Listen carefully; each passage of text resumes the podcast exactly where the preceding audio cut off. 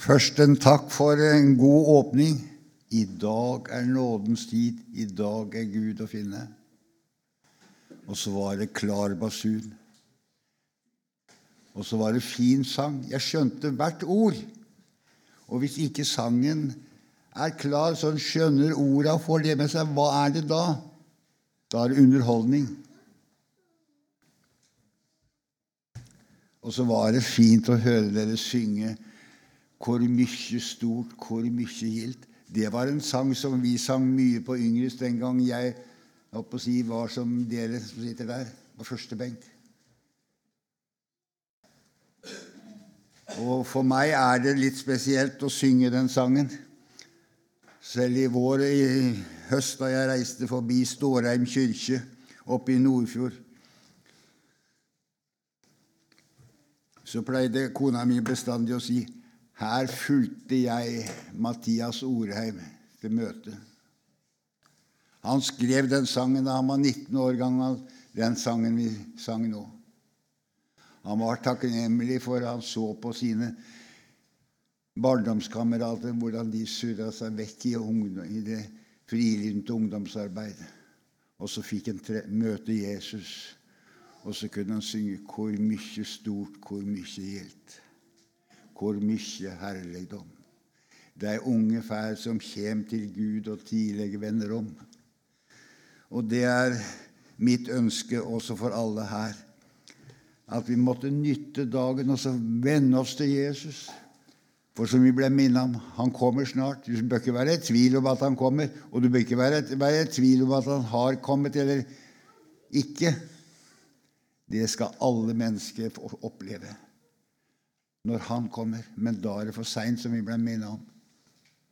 Så vi må nytte dagen. Og så er det en blandet forsamling. Men la meg si med en gang jeg hadde lyst til å vende det lille jeg skal si, mot de aller yngste.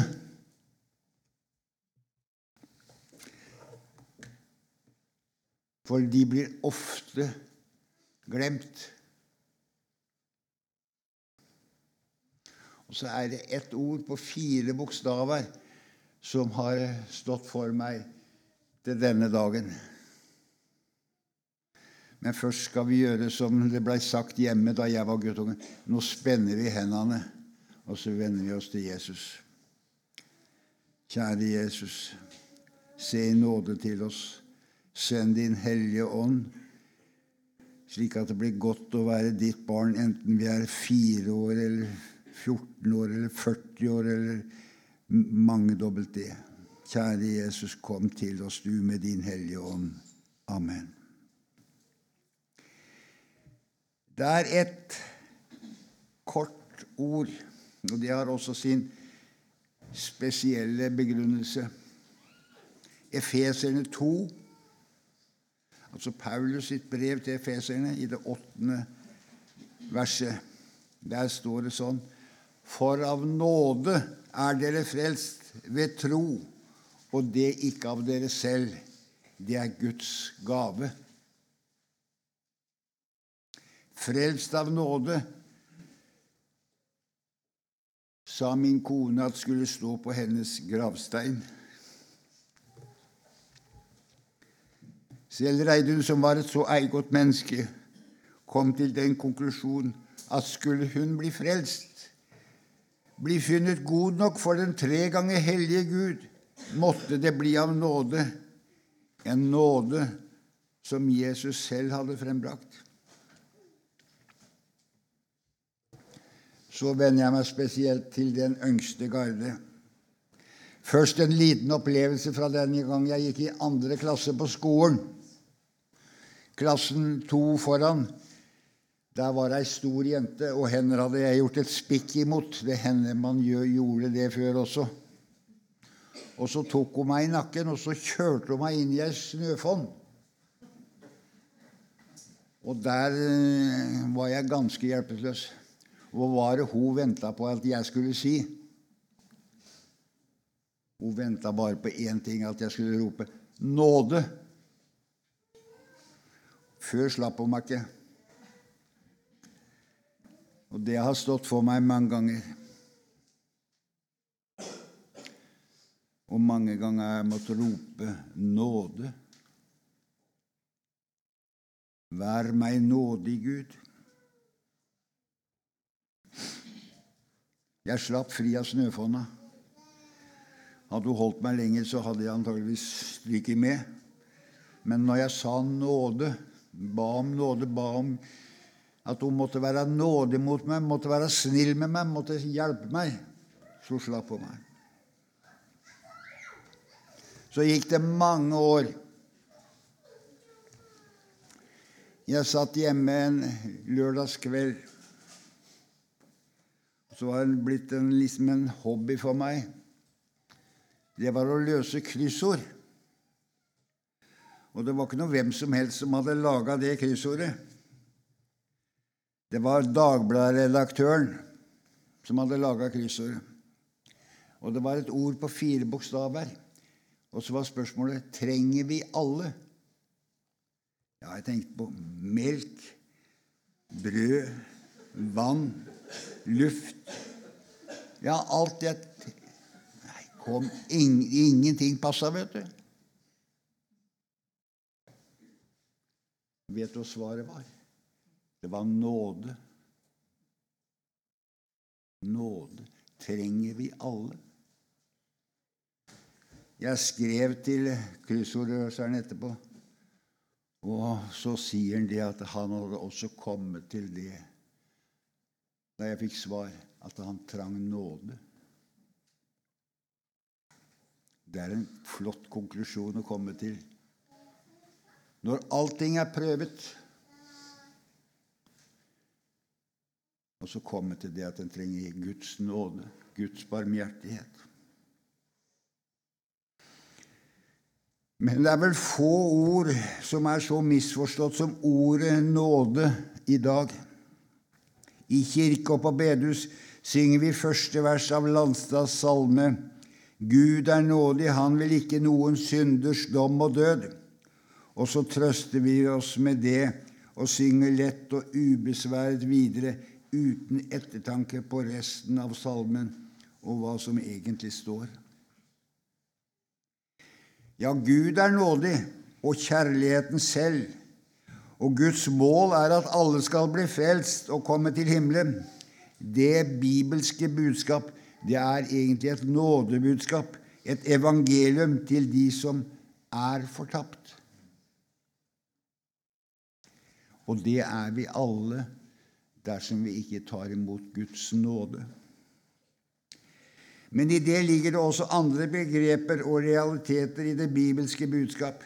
Et budskap vi mennesker har vansker med å høre og forstå, og så trøster vi oss til det lille vi tror vi forstår av Guds ord og salmevers, det vi kan av salmevers. Har du virkelig tenkt over at Gud er nådig og på samme tid hellig? Hellig er et begrep vi hører lite om i dag. Like lite hører vi om at Gud er rettferdig. Vi snakker mye om det. Både i skolesammenheng og ingen annen sammenheng så sier vi 'det er ikke rettferdig'. Ja, hadde det ikke Gud vært nådig, så hadde vi vært mer ille ute enn noensinne, for han er rettferdig. Han er rettferdigheten. Og det står at på den nye jord der skal det ikke være noen urettferdighet. Der skal rettferdigheten bo, står i 2. Peters brev i det tredje kapittelet og det trettende verset. På den nye jord finnes ikke ordet eller begrepet nåde, for der er det ingen lovbrudd, ingen synd eller noen lov. Der alt for der er alt og alle hellige. La det være sagt med en gang, så ikke noen skal misforstå. Gud vil at alle mennesker skal bli frelst, skal finne Hans nåde og komme til sannhetserkjennelse, slik apostelen Paulus skriver i brevet til Timoteus, 2. kapittel og det fjerde vers. Det er Guds mål med hver enkelt, enten vi er store eller små, Men her også gjør vi fort noen kortslutninger. For forutsetningen for at Guds vilje skal skje, for at Guds vilje skal komme til utførelse, er at du og jeg kommer til sannhetserkjennelse. Og sannhetserkjennelse om seg selv, det er en veldig sak. Den som kommer til sannhetserkjennelse om, om seg selv, hva skjer med vedkommende? Da får en bruk for Guds nåde, Guds kjærlighet, Guds omsorg, Guds nåde. Og da må jeg stille deg det spørsmålet. Nå hørte du sist predikanten utdype ordet som leses før nadværen, som vi leser fra 1. Korinter 1,13. La ethvert menneske prøve seg selv, og så ete og drikke av kalken, står det i Skriften. Og når en gjør det, prøver seg selv, på en ærlig og sann måte, så kommer en til sannhetserkjennelse. Og da blir det spørsmål om én ting hvor kan jeg finne en nådig Gud? Men mer enn noe vi mennesker utsetter, så er det prøve oss selv. Opp mot Bibelens målestokk. Vi prøver oss mot alle med andre mennesker, og jeg er bedre enn han og bedre enn henne. Men da kommer vi ikke til sannhetserkjennelse. Prøv deg selv opp mot Gud, Bibelens målestokk. Det kom en gang en mann, ung mann til Jesus, og så stilte han spørsmål hva skal jeg gjøre for å arve evig liv. Du husker hva Jesus sa? Loven kjenner du? Ja, sa han. Alt har jeg holdt, budene har jeg holdt fra min ungdom av. Da står det at Jesus så på han og fikk han kjær. Men eh, han hadde ikke prøvet seg selv, for hans hjerte var likevel ikke at han hadde bruk for Guds nåde. Jeg traff en slik mann en gang. På en av mine turer til Polen så kjørte jeg etter en buss som røyk og, og hosta noe forferdelig. Jeg lurte på han skulle, men vi kom nå fram. Og På ferjekaia stoppa han, og jeg gikk ut og spurte hvem er du, hvor kommer du fra, hva skal du hen? For det var ikke et menneske i bilen, men bilen var full av pakker. Og så fortalte han det. Og så sa han noe som jeg aldri har glemt. Jeg lever slik sånn at det ikke noe menneske skal ha noe å si på meg. Og jeg, Når jeg legger meg hver kveld, så vet jeg det med meg selv at jeg ikke har gjort noe menneske vondt. Jeg har ikke noe ugjort med noe menneske. Alt er i orden etter svensk lov, og vel så det.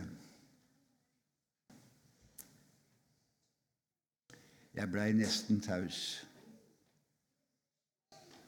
Men Guds nåde hadde han ikke bruk for, for han hadde ikke kommet til sannhetserkjennelse. Han hadde gjort rett og sjel for seg etter menneskelig målstokk. Og da mente han at mer kunne ikke Gud forlange. Men Guds grav er mye større. For Gud ser ikke bare til det ytre, som vi mennesker gjør, men Gud ser til hjertet. Men jeg må innrømme det at jeg har tenkt Tenk om jeg kunne vært som han, like god. Gjort så mye godt, vært så uselvisk, båret så mye omsorg for andre og vært så fornøyd med det enkle livet han levde. Alt var i orden, men han hadde ikke bruk for Jesus. Han hadde ikke bruk for Guds nåde. For i salme i Samuels bok du husker da, da Samuel skulle finne en ny konge. Så står det at Gud ser til hjertet, og ikke bare hva du gjør og sier. Han ser også etter hva du tenker, og hva dine motiver er. Hvem kan da bli stående og se fram og frimodig på verden omkring seg?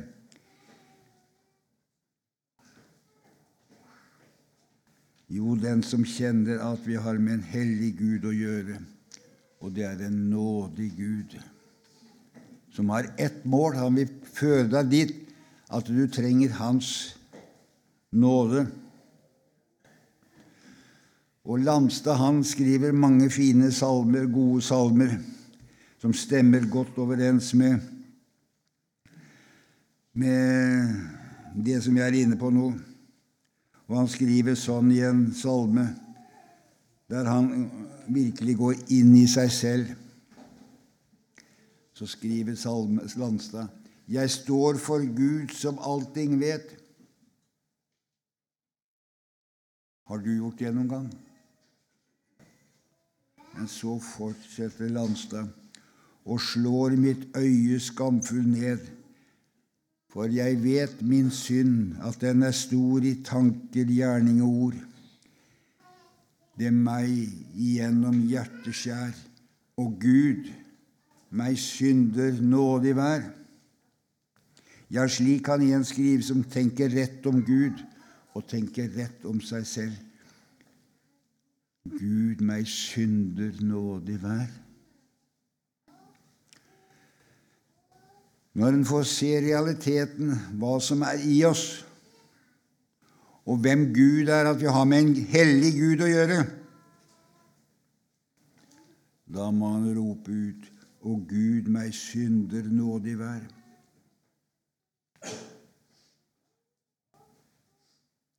Da får han bruk for en nådig Gud. I Bibelen er det mange ord og uttrykk som er vanskelig å forstå og ofte strider de mot det som vi sier og leser og tror i dag. I 2. Mosebok i det tredje kapittel står det om Moses og den brennende tornebusken. Så Moses ble stående og se på og lurte på det var for noe greier. Han kunne ikke skjønne hvorfor det. Og så lyder det:" Ta av deg skoene, for det sted du står på, er hellig grunn og Moses så trolig rundt omkring. Var det hellig grunn? Tilsynelatende ikke, for den var lik området omkring, hvor torner og tister vokste i den større sanden. Hva tilsa at det var hellig grunn? Det var ingen ytre ting. Det var bare én grunn, og det var at Gud hadde sagt det. Gud hadde sagt at der, du, der den står, der er det hellig grunn. Og det Gud har sagt, det er ofte stemmer ikke bestandig med vår, vårt syn. Og det er det som er vanskelig for meg og for deg, og ikke minst for dagens mennesker, vi som vet alt og kan alt. og mener at alt vi tror og mener, det er riktig. Men det Gud har sagt, det er sannheten. For Gud har sagt det. Det er hellig.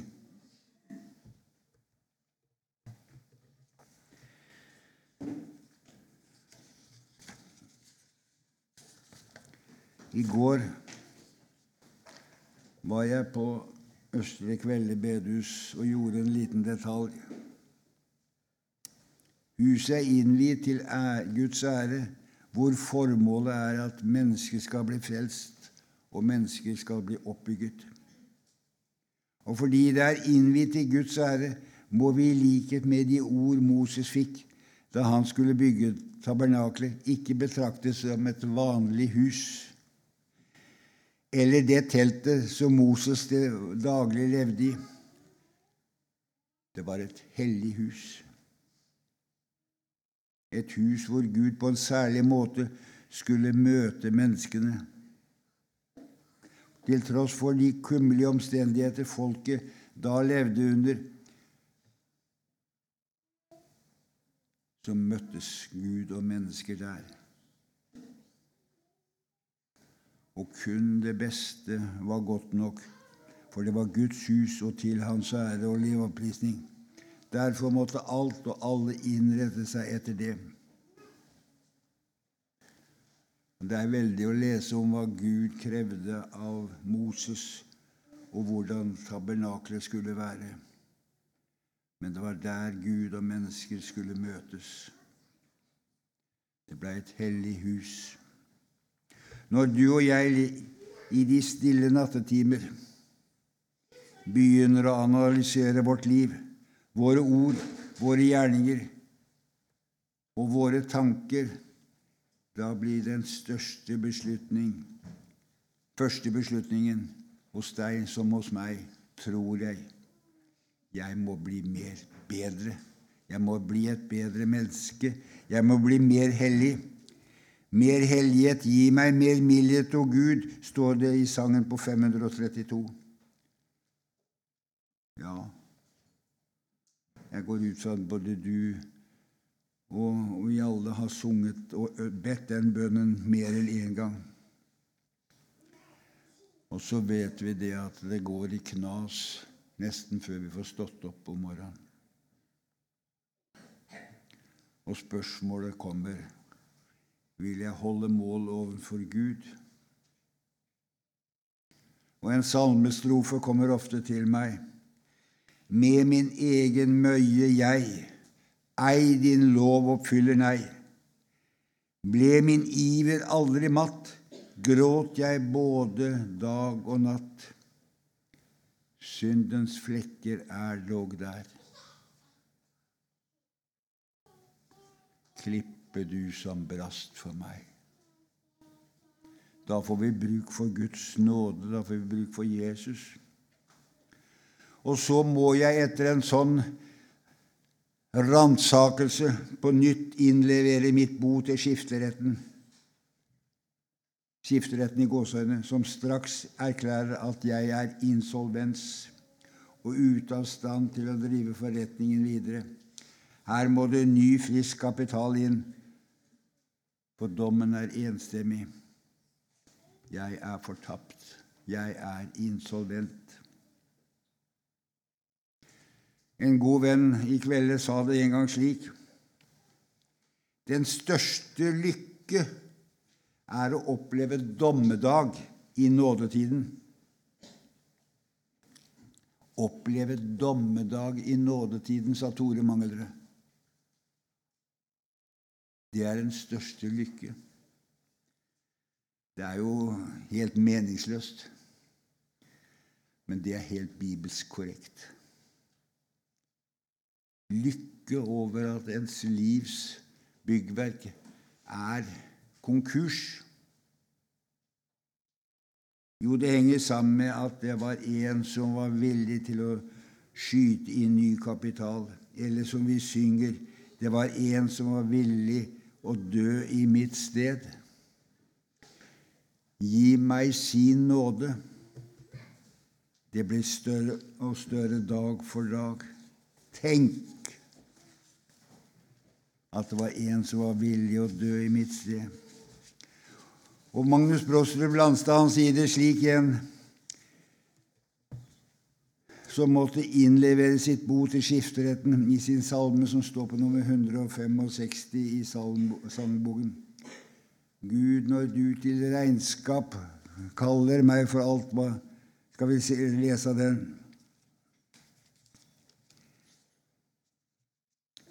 Gud, når du til regnskap kaller meg for alt hva jeg har gjort, finnes akk i hver en alder.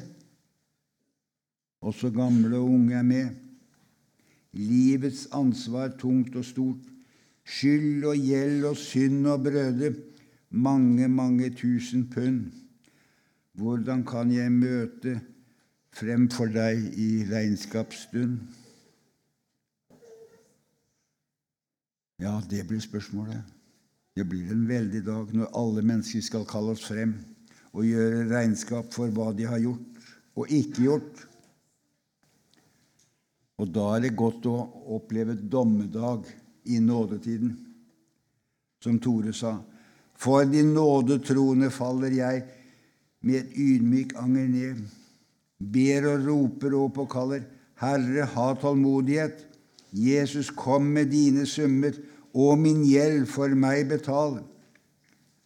Frels min sjel fra evig kummer, be meg inn i himmelens sal. Da er man ikke stor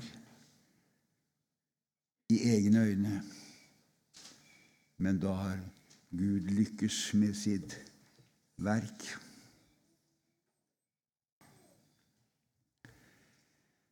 Og det var trolig på det stadiet Per Nordsletten befant seg da han skrev sangen på 461, 461 heter det visst nå. Det er en lærerik salme, ikke minst for den som av og til går konkurs. Og min frelser så kjær, hvor elendig jeg er, med et hjerte fordervet av synd, ifra hode til fot, hjertets innerste rot, kun en eneste masse av synd. Og min frelser og venn, mange år svant jo hen på fortapelsens redsomme vei, som et rovjaget fôr fylt av blødende sår. Til ditt nådekall svarte jeg nei.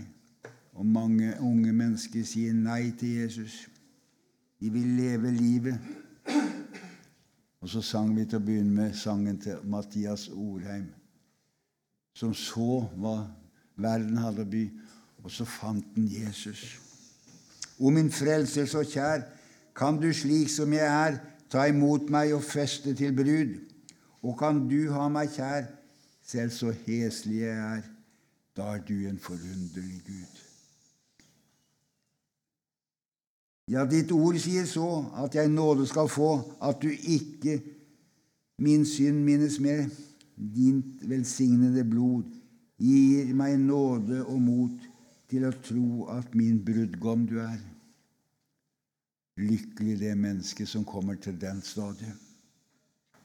Og blir du alltid hos meg i min engsel og strid, gi meg nåde å være på vakt. All den syndige lyst som jeg bærer i mitt bryst, slå den ned med din veldige makt. Framfor alt la ditt blod, denne rensende flod, være daglig min kjæreste sted, hvor jeg senker meg ned, hvor jeg finner min fred. Herre, det er det største jeg vet. Lykkelig er det mennesket som kommer i den situasjonen. For vel 2500 år siden gikk det en vis mann. Jeg fikk et brev fra en mann her om dagen. Han skrev at han var vis. Han var han var ikke intelligent, men han var vis skreven. Men eh, Jeg tror ikke på noe av det. Men derimot så Denne karen her, han eh, mente om, som skrev dette, som sa dette som jeg nå kommer til Han gikk rundt i Atens gate med en lykt midt på lyse dagen. Og så spurte dem han traff, hvor jeg kan finne et, et ærlig menneske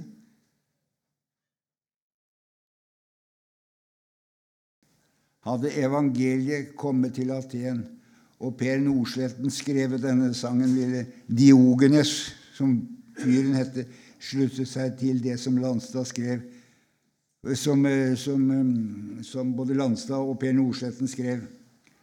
For det var ærlig manns tale. Kan du have meg kjær, selv så heslig jeg er. Men evangeliet var ikke kommet. Han hadde ikke hørt om Jesus. Jesus var ikke kommet. Og evangeliet var ikke kommet.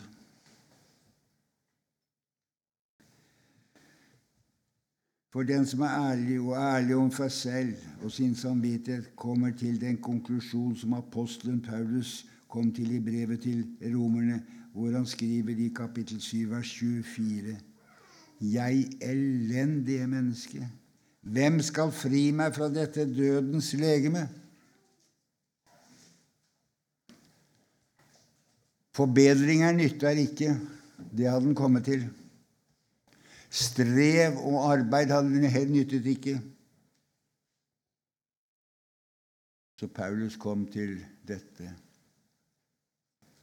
Gud være takk ved Jesus Kristus, vår Herre jeg som jeg er, tjener av Guds lov med mitt sinn, men syndens lov med mitt kjøtt.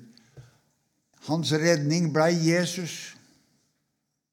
Når det går opp for deg og for meg hvem vi egentlig er, og hva vi trenger, blir det to ting som blir stort. Og det blir større og større for meg. For det første stiger det opp en takk til Gud for at Han sendte sitt ord til Noregs fjell, og lys over landet strømde. Tenk hvis og det er sagt mange ganger til Gud hadde sendt ordet østover og sydover og ikke nordover. Så kom ordet til Norge. Det andre burde være at dette ordet nådde dine ører en dag, og hvor Gud i sin nåde og barmhjertighet lot dette ordet også tilflyte ditt hjerte og sinn, og du fikk bruk for en nådig Gud. Det er for tanken altfor stort at du i mange år har hørt Guds ord. Og trolig har de fleste av dere tatt imot det også, tatt det til seg og sagt som Per Nordstrøm, kan du have meg kjær, selv så heslig jeg er, da er du en forunderlig Gud. Jeg ønsker ikke å bli misforstått, men vi trenger en indremisjonsvekkelse i vårt land. Det er større behov enn noensinne om å sende evangeliet ut til Afrika, Syd-Amerika, Asia og Syd-Europa. Men hva med nabolaget? Hva med naboen?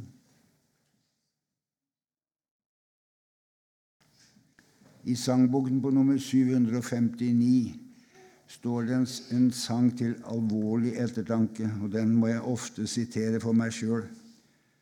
759. Skal eg ein gong tomhendt møta Jesus, han som elska så, ingen nek til han får bæra, for når for trona jeg skal stå. Skal du ha noen med deg, eller kommer du aleine? Skal eg, ein, skal jeg måtte einsom komme tomhendt framfor trona stå, ingen sjel åt Jesus vinna, Han som har meg elska så.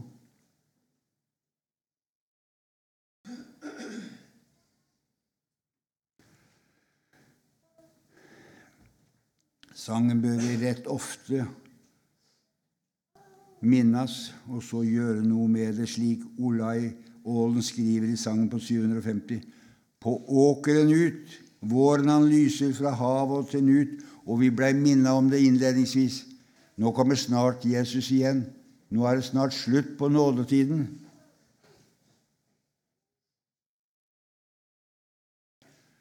Og i en annen sang så står det en kraftig påminnelse. Arbeid før natten kommer. Snart er ei lengre tid. Virk i den årlige morgen, og bruk all din tid. Og tenk, vi har evangeliet fått og hatt det i hele vår levetid, ja, i tusen år. Men det er flere i Norge i dag som ikke kjenner Jesus enn det var for 100 år siden. Har du tenkt på det? Nå har vi hørt om Jesus i tusen år, men det er flere i Norge i dag som ikke har hørt om Jesus enn det var for tusen år siden. Hva har vi brukt nådetiden til? Har vi brukt rett vår nådetid?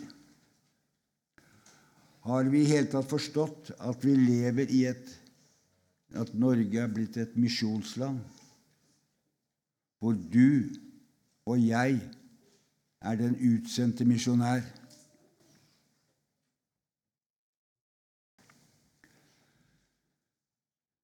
Vil vi forstått at vi nå lever i nåtiden, så vil vi også forstå at vi har det travelt, for nå lever vi i endetiden. Mer enn noensinne kan vi gjente Jesu komme i skyen. Hva da med meg og deg? Er du beredt? Eller er du så opptatt med det jordiske slik det står i Lukas 14, at du ikke kan prioritere Guds rike? Du vet, Den ene hadde kjøpt det, og den andre hadde gifta seg, og den tredje hadde gjort det. De var mange viktige gjøremål i livet. Men det viktigste er å få orden på sin salighetssak.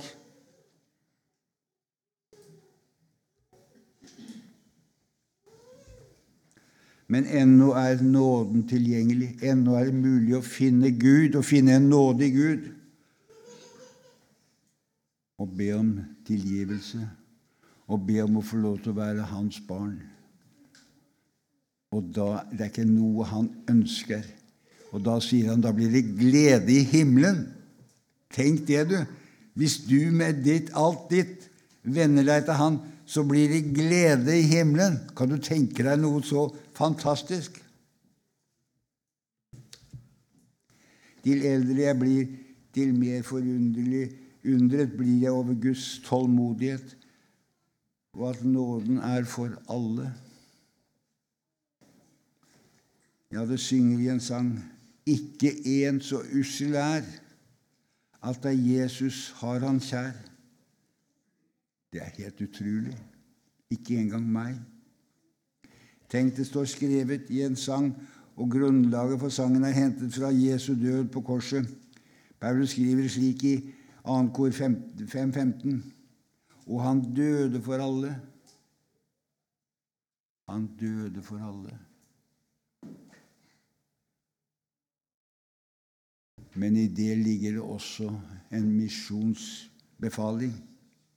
For at de som lever, ikke lenger skal leve for seg selv, men har Han som døde og for dem. Lever du for deg selv? Eller er du med og bringer evangeliet ut? Ja, hvem kommer ikke Jeg tenkte på det i dag. Hvem kommer ikke i vansker? Jeg har naboer. Jeg var hos noen i går kveld. Utlendinger. Men det går jo an å på menneskelig vis komme i kontakt også med dem. Selv om det er språk og mange ting. Det går jo an å peke på Jesus. Og når Gud vil at alle skal bli frelst, så må han oss, og ikke én så ussel er, at da Jesus har han kjær. Og ikke bare det, men det står at da du bare var et foster, så dine øyne meg. Forunderlig Gud, og alle vil han frelse. Det er ikke ofte dikteren Bjer André Bjerke blir, i, blir sitert i kristen sammenheng, men eh, jeg har opplevd det nå i det siste tid som det som han skriver i diktet 'To luker i himmelen'. Det største mysterium er ikke mer enn det at en ørliten kropp er våknet til jorden. Den nyfødte ser. To luker i himmelen går opp.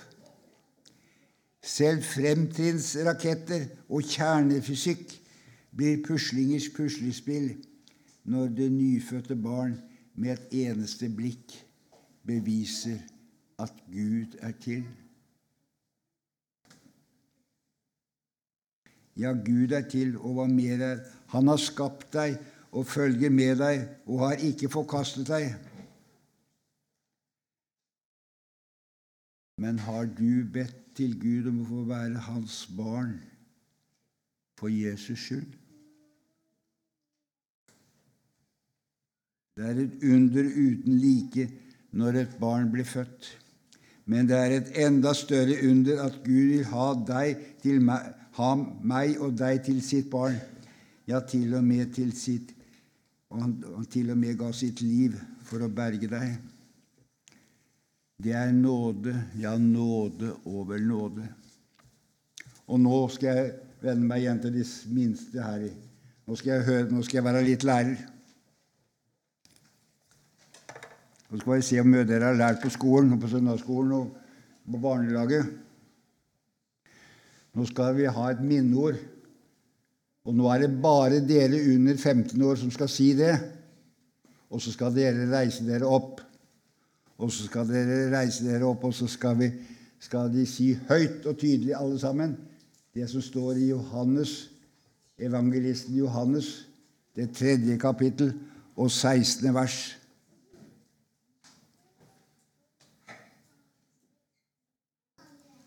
Du som sitter der nede, du, du reiser deg Du var kanskje litt eldre enn det, men du kan begynne høyt og tydelig.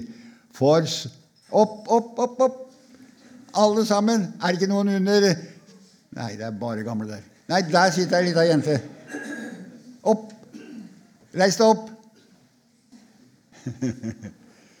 og så sier vi For så høyt har Gud elsket hver Høyt, da! For så høyt har Gud elsket verden, at han gav sin sønn, den enbårne, for at hver den som tror på Han, ikke skal fortapes, men ha evig liv. Vi tar det en gang til, alle sammen. En gang til, høyt nå. Høre. Du først.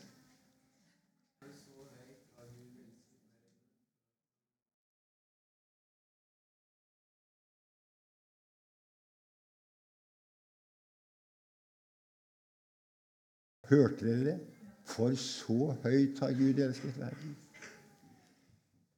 Er du klar over at du er elsket av Gud? Han som har skapt alt og oppholder alt. Og som en gang skal komme igjen. Og han elska deg så høyt at han ga sitt liv for deg. Så ellers ville du gått fortapt. Det er nåde. Det er evangelium.